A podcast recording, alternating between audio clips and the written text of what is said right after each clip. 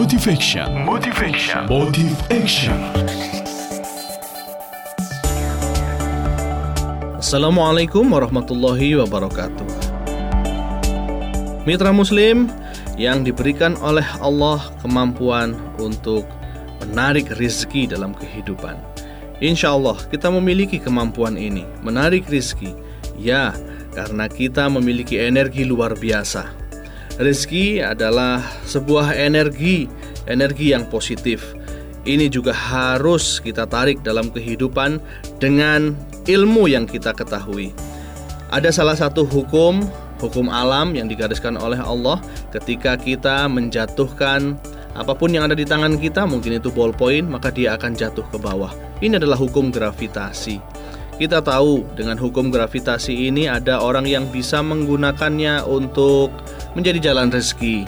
Belajar hukum gravitasi, lalu menjadi insinyur, lalu bisa membuat uh, untuk air terjun, lalu bisa menjadi pembangkit listrik, seperti itu. Tapi ada yang hukum gravitasi hanya untuk maaf bunuh diri lompat dari lantai 4, tentu rezekinya beda.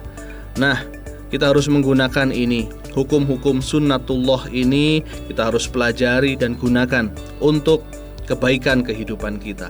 Salah satu hukum Allah adalah hukum kekekalan energi. Ketika kita memperbanyak energi negatif, maka kita akan menarik energi negatif. Ketika kita memperbanyak, memperbesar energi positif, kebaikan-kebaikan dalam kehidupan, maka kemudian kita akan menarik energi positif, yaitu kebaikan-kebaikan dalam kehidupan. Hati-hati dengan energi negatif, buang ketika ada pikiran-pikiran negatif, dengki, hasad, dan kemudian Masukkan ganti dengan energi positif, pengharapan, keyakinan kepada Allah dan doa. Inilah tips paling efektif untuk membuat diri kita menjadi penarik energi positif, menarik rezeki-rezeki kebaikan dalam kehidupan. Jadi, kalau kita emosinya lagi negatif, lagi mangkel, mungkin sedang terdolimi, apa yang kita bisa lakukan? Jadikan doa saja. Jangan lalu kita mem perpuas dengan melontarkan emosi negatif itu. Jadikan doa. Ini tuntunan Rasulullah. Rasulullah ketika di Taif niatnya baik ingin berdakwah tapi kemudian dilempari batu, dikatakan sebagai penyihir, dikatakan sebagai pembohong. Tapi kemudian Rasulullah ketika beristirahat di kebun anggur dan lalu dalam kondisi kaki berdarah ditanyakan oleh malaikat Jibril, "Ya Rasulullah, berdoalah pada Allah agar aku bisa menimpakan dua gunung itu kepada orang-orang yang menyakitimu. Tapi Rasulullah tidak lalu melampiaskan emosinya. Alhamdulillah, ya.